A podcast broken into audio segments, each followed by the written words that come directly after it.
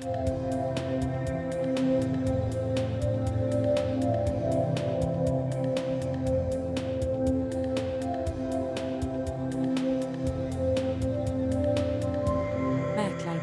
sponsras av Mäklarringen. Och då börjar jag med att säga varmt välkommen till Ola Johansson från Centerpartiet som vi kommer idag att få äran att intervjua och vi sitter i jättefina lokaler här på riksdagen. Så välkommen Ola. Tack. Och jag tänkte be dig först att lite kortfattat presentera Centerns bostadspolitik. Ja, eh, man skulle kunna säga kortfattat då att eh, vi har en klyvning även på bostadsmarknaden. Eh, så för att komma till rätta med det så behövs det både ett ökat byggande och ett bättre utnyttjande av de bostäder som, som redan finns.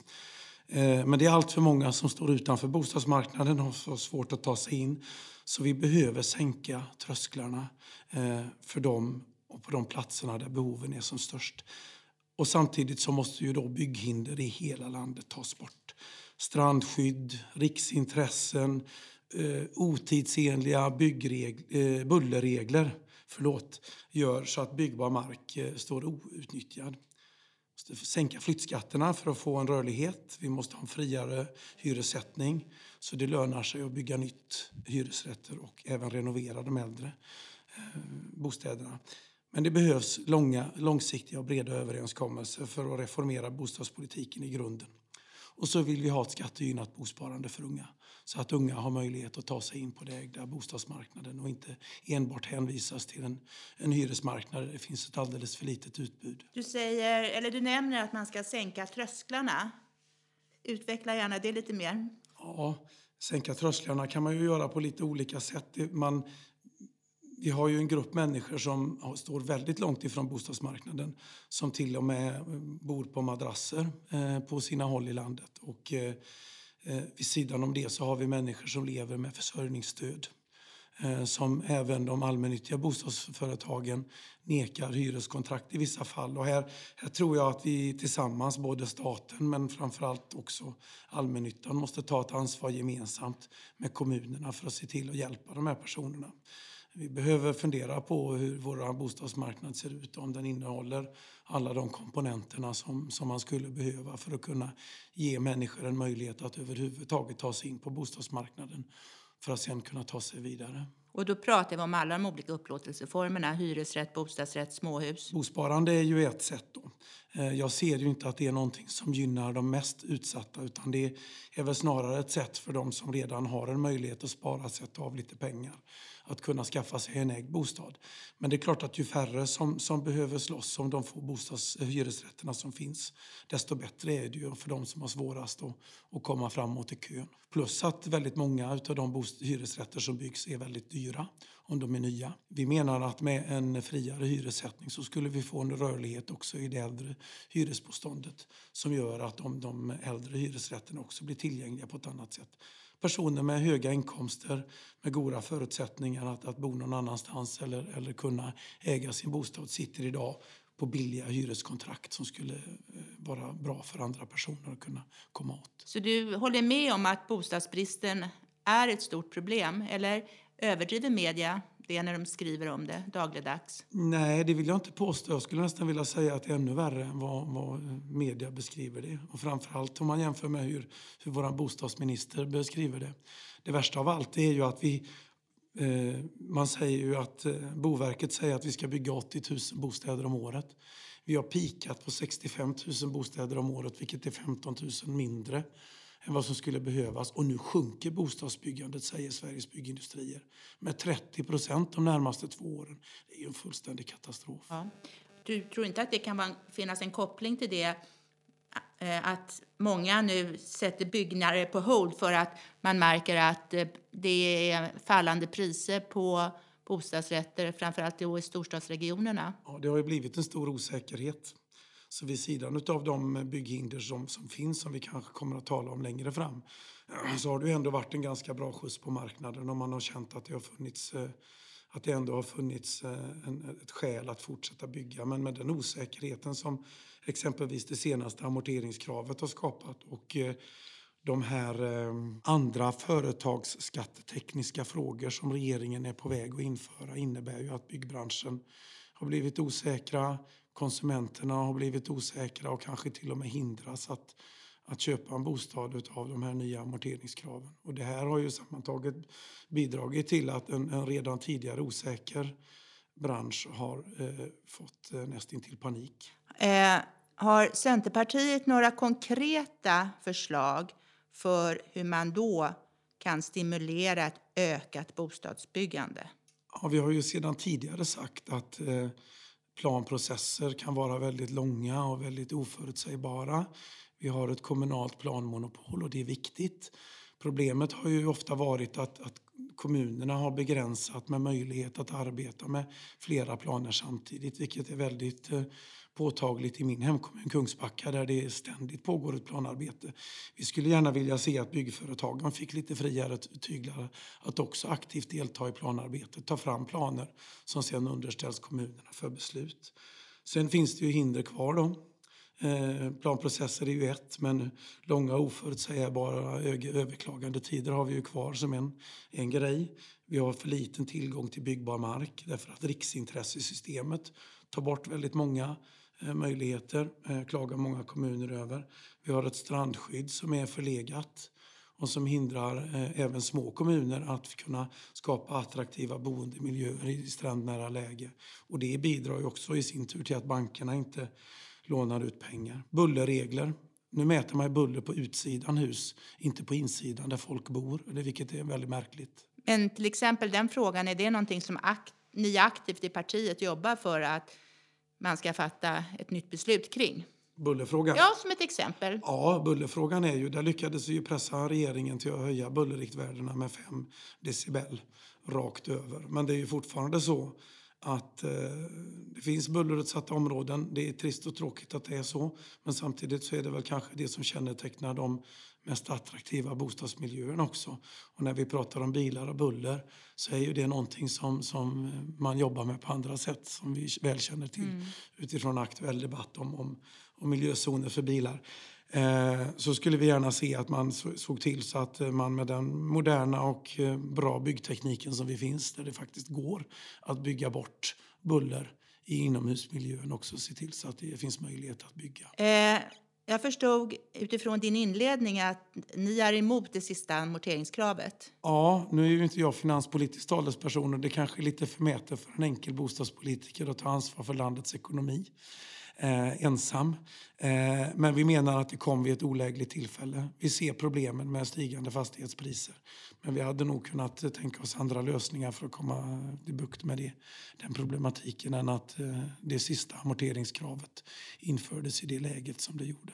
Det är vi kritiska till. Kan du även se en fara i att det ger ringar på vattnet till den allmänna konsumtionen som kan leda till en sämre konjunktur, det vill säga den disponibla inkomsten minskar ju då i plånboken när, sedan du har betalt den totala boendekostnaden, om vi nu ska kalla då amortering för en kostnad, men det är i alla fall en utgift. Ja, det kan Så att det kommer leda då till en lägre konsumtion. Är det någonting som ni har pratat om? Det är någonting som vi säkert har pratat om, men det som jag, jag ser som den stora faran för landets ekonomi, det är ju när människor inte kan, kan ta ett jobb som de har erbjudits. När, när företag inte har möjlighet att rekrytera den personal som man skulle behöva och när människor som, som har kommit till vårt land för att bygga en framtid inte kan göra det därför det finns inga tillgängliga bostäder. Alltså det här blir ju ett resursslöseri, ett, ett sätt att begränsa företags möjlighet att vara framgångsrika och konkurrenskraftiga på en internationell marknad. Och det hindrar människor från att komma in på en arbetsmarknad och från att söka utbildningar, att kunna starta ett liv, bilda familj eller för den delen flytta isär eller leva ett gott liv som pensionärer. Många hävdar även också att de här nya de ytterligare amorteringskraven leder till inlåsningseffekter. Ja, att det. folk helt enkelt inte har råd att flytta beroende på att man kanske då sitter med de gamla, riktigt gamla lånen som helt var fria från amortering. Ja, pensionärer är ju en sån grupp. Ja. Alltså, pensionärer med, men, men hygglig men inte jättehög pension eh, hör ju till de grupperna som nu drabbas av amorteringskravet. Precis som unga familjer med någorlunda bra inkomst också kommer att göra. Mm. Och det här är ju någonting som påtagligt försämrar rörligheten på bostadsmarknaden. Mm. Jag tror att du även inledningsvis berörde det här med våra kapitalvinstregler som löses ut när man byter bostad, det vill säga hur man ska beskatta sin vinst och att du inte ställde dig positiv till rådande regler. Vad har du för förslag där kring förändring? Flyttskatterna, populärt kallat. Mm. Eh, det är ju en av de skatterna som vi, som vi skulle vilja se att, att eh, trappades ner eller, eller togs bort helt och hållet. Alltså flyttskatterna är ju, ser vi ju som ett, ett av hindren som, mot den här rörligheten som vi skulle önska. Så människor som köpte sitt hus och bott kvar där väldigt länge eh, som har betalat av det helt och hållet och som nu står i begrepp att lämna det huset för kanske en hyra, en nyproducerad bostad av god standard som ju har en ganska hög hyra, gör inte det därför att man upplever att kostnaden är för hög. Och lite pengar vill man ju lämna kvar åt sina barn också. Så det här, det här är ett, ett, stort bekymmer. Och när vi pratar om skatter så skulle vi ju från Centerpartiets sida gärna se att vi hade en, en bredare överenskommelse som handlar om större delar av bostadsbeskattningen. Inte bara flyttskatterna utan andra saker också. Eh, när ni har diskuterat här, den här frågan inom partiet då, eh, den uteblivna intäkten. Har ni några alternativ till inkomster? För staten menar du? Ja, för att många säger, vad jag har förstått när jag pratat med andra här i mina intervjuer på riksdagen så, så har jag förstått att eh, skatt skatteintäkterna staten har vid försäljning av bostäder är ganska hög och en viktig del av statsfinanserna. Och tar man bort den så måste man ju finansiera den delen på annat sätt. Men det är väl lite grann som det är med, med jobbskatterna. Va? Alltså om, om, om du sänker skatten på arbete så kan ju det vara en bidragande orsak till att mer människor kommer i arbete och därmed får du ett ökat eh, skatteinflöde. På det sättet då ökar vi omsättningen på bostäder och, och trappar ner flyttskatterna så skulle det också kunna innebära att om, den större omsättningen på bostäder skulle kunna bli en ny form av skattebas. Men nu är jag kanske lite för lite skattepolitiker för att kunna reda ut de här begreppen helt och hållet. Jag ställer mig väldigt positiv till ditt förslag. Ja, jag det... röstar på ta bort flyttskatter. Ja, du kan väl säga med... att du röstar på Centerpartiet istället. ja, opolitiskt just här och nu, men i alla fall, det kan jag ställa mig bakom. Och uppskovsreglerna då, som man har infört, återigen lite mer generösa. Det, du tycker inte att det räcker? Om jag har förstått det hela rätt. Nej, du har nog förstått det hela rätt. Uppskovsreglerna har jag kanske inte riktigt förberett något svar på i den här Nej. intervjun. Eh, vi går vidare då bland våra frågor och eh, ränteavdragen ha, har ju varit upp, föremål för debatt i omgångar. Dess vara eller icke vara. Ja, ränteavdragen hör ju till den tidens politik när vi skapade miljonprogrammet. Miljonprogrammet har ju fått ta väldigt mycket kritik. Eh, och visst, det finns delar i miljonprogrammet som har skapat eh, utanförskapsområde och ett enormt renoveringsbehov idag. Men, men en, en, en god och värdefull del av miljonprogrammet är ju de här Eh, Eh, ägande, eh, hem, de ägda bostäderna. De villorna som, som idag betraktas som lite villamattor och som, som stör kommunala planeringsmänniskor som gärna skulle vilja förtäta och bygga högt i just de här områdena. Men, men det spelade en stor roll för att människor med normala arbeten, normala inkomster skulle kunna skaffa sig en bostad vid den tiden. Eh, och vi skulle gärna vilja återkomma till en, ett läge där vi kunde hjälpa unga familjer att skaffa sig en bostad. Och då är ju ett skattegynnat bosparande ett sånt sätt. Men eh, vi menar nog att ränteavdragen i sin nuvarande form har spelat ut sin roll. Utgör snarare en möjlig, ett problem än, än den möjlighet som den en, en gång var. Och vi har ju framförallt så har vi ju ett betydligt lägre ränteläge idag. Vi har ingen inflation att tala om. Och vi har ett lågt ränteläge. Det enda som eh, ränteavdragen bidrar med till det är ju egentligen att, bli, att eh, trappa upp priserna på ett, ett, sätt som har skapat den här situationen som vi nu har fått när Finansinspektionen anser att den behöver istället införa ett amorteringskrav. Det här bospar för unga förstod jag att ni var positiva till också. Ja, det är vi. Det är I den norska, rakt av den norska varianten eller har ni önskemål om att modifiera den eller? Ja, vi får nog skapa en svensk variant av den norska. Så smarta är inte norrmännen. Eh, men, eh, nej, men det är väl den norska varianten som ligger närmast i hands som vi har tittat på. Men, men, när man säger att vi vill införa ett bosparande för unga så kan vi väl tänka oss att göra det på lite olika sätt. Det som, det som jag vill påpeka i det här sammanhanget är ju att det, det norrmännen också säger är ju att eh, det här har varit ett viktigt sätt att få ut fler unga på den ägda bostadsmarknaden. I Norge så har man ju någonting som man kallar för ejarlinja eh, som betyder att, att det är mer vanligt att man äger sin bostad och att man eh, dessutom hyr ut en del av sin bostad till någon. Eh, så att ägande, ägandet är fundamentet i den norska bostadspolitiken. Kanske på det sättet som hyresrätten är i Sverige. Och, och, det där ändrar man ju inte i ett, i ett enda slag. Men, men att komma dit hen eh, genom ett eh, bosparande tror vi är ett sätt. Sen vet vi också det att, att bosparande i Norge inte i första hand har varit en åtgärd för de som har allra svårast att ta sig in. Utan som jag sa i inledningen här så, så tror vi kanske snarare att det är ett sätt att få unga att slippa behöva konkurrera på en, en eh, svårtillgänglig hyresmarknad utan att man snabbare kan komma in på den ägda bostadsmarknaden. Som jag har förstått det hela så Centern, ni ser ju ett problem i att det blir inlåsningseffekter och ni ser ju då också vikten av att det finns en stor rörlighet på marknaden. Har jag uppfattat er politik korrekt då? Ja, det delar av den. Det, det, räcker inte att bara bygga nytt utan vi måste se till så att vi använder de bostäder som redan finns på ett bättre sätt. Ja, och kortsiktigt då, för att skattereformer och sådana saker, det förstår ju jag, det tar ju tid och det ska ju vara blocköverskridande.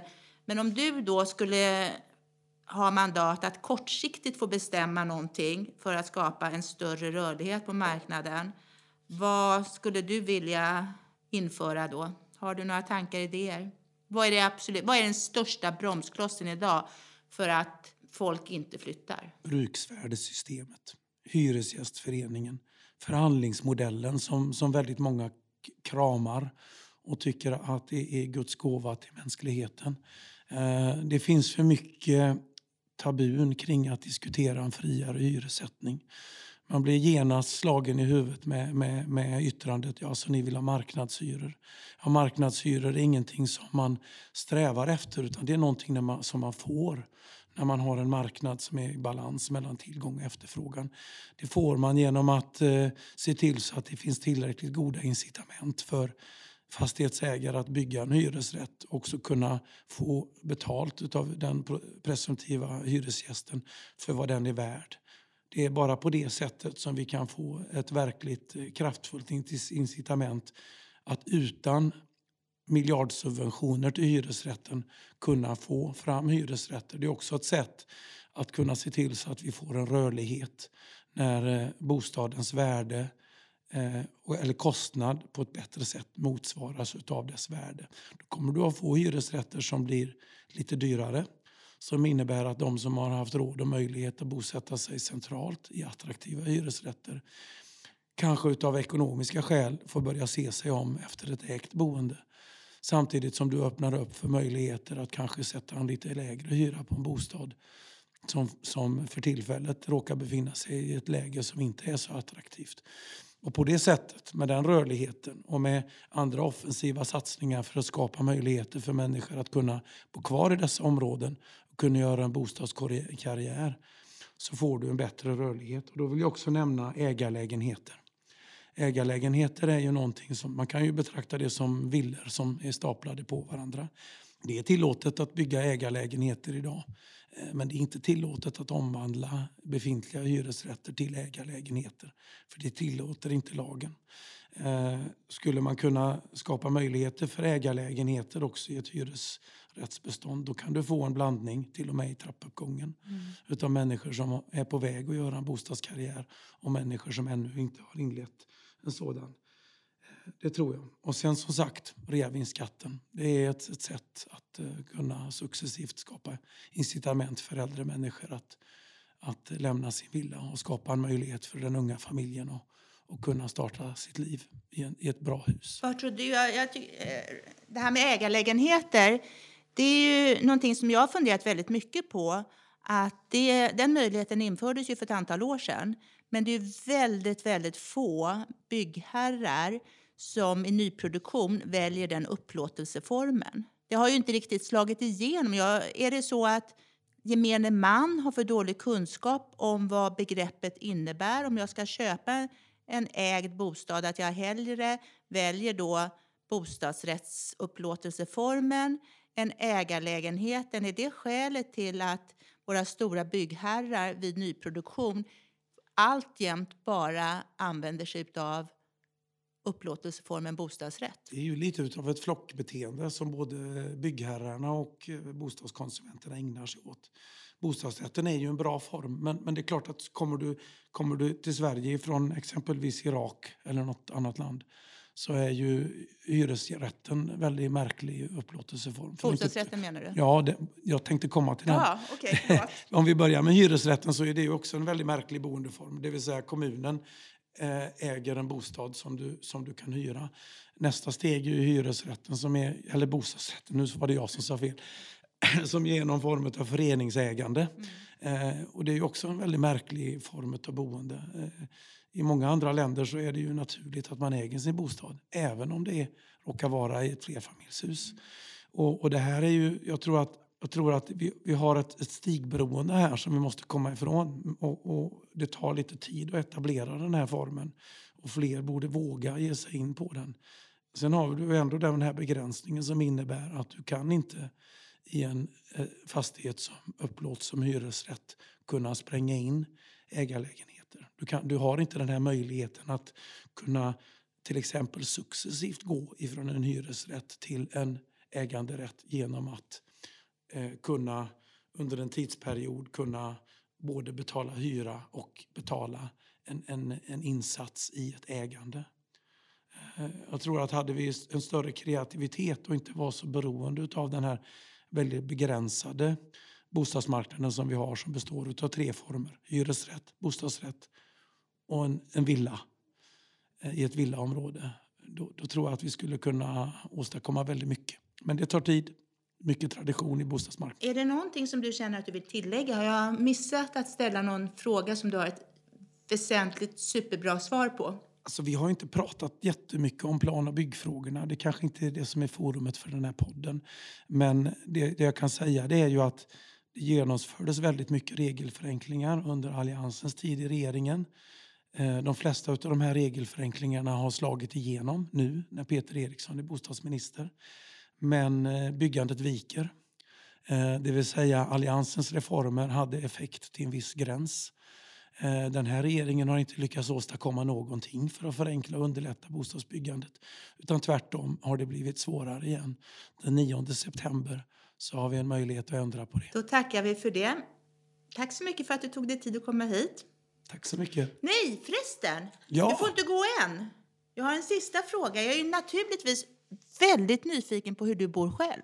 En bostadsrätt. En bostadsrätt belägen var? Eh, I Kungsbacka, ganska centralt i Kungsbacka. Så när jag blev eh, heltidspolitiker och skulle börja, eller rättare sagt när jag blev en politiker som skulle börja pendla till Stockholm, då sålde vi våran eh, villa ute på landsbygden i Kungsbackas inland för att kunna bo lite närmare centralstation och för att min kära hustru eh, skulle eh, slippa bo ensam ute nära skogen eh, fem dagar i veckan. Det kan jag förstå. Tack så hemskt mycket. Tack.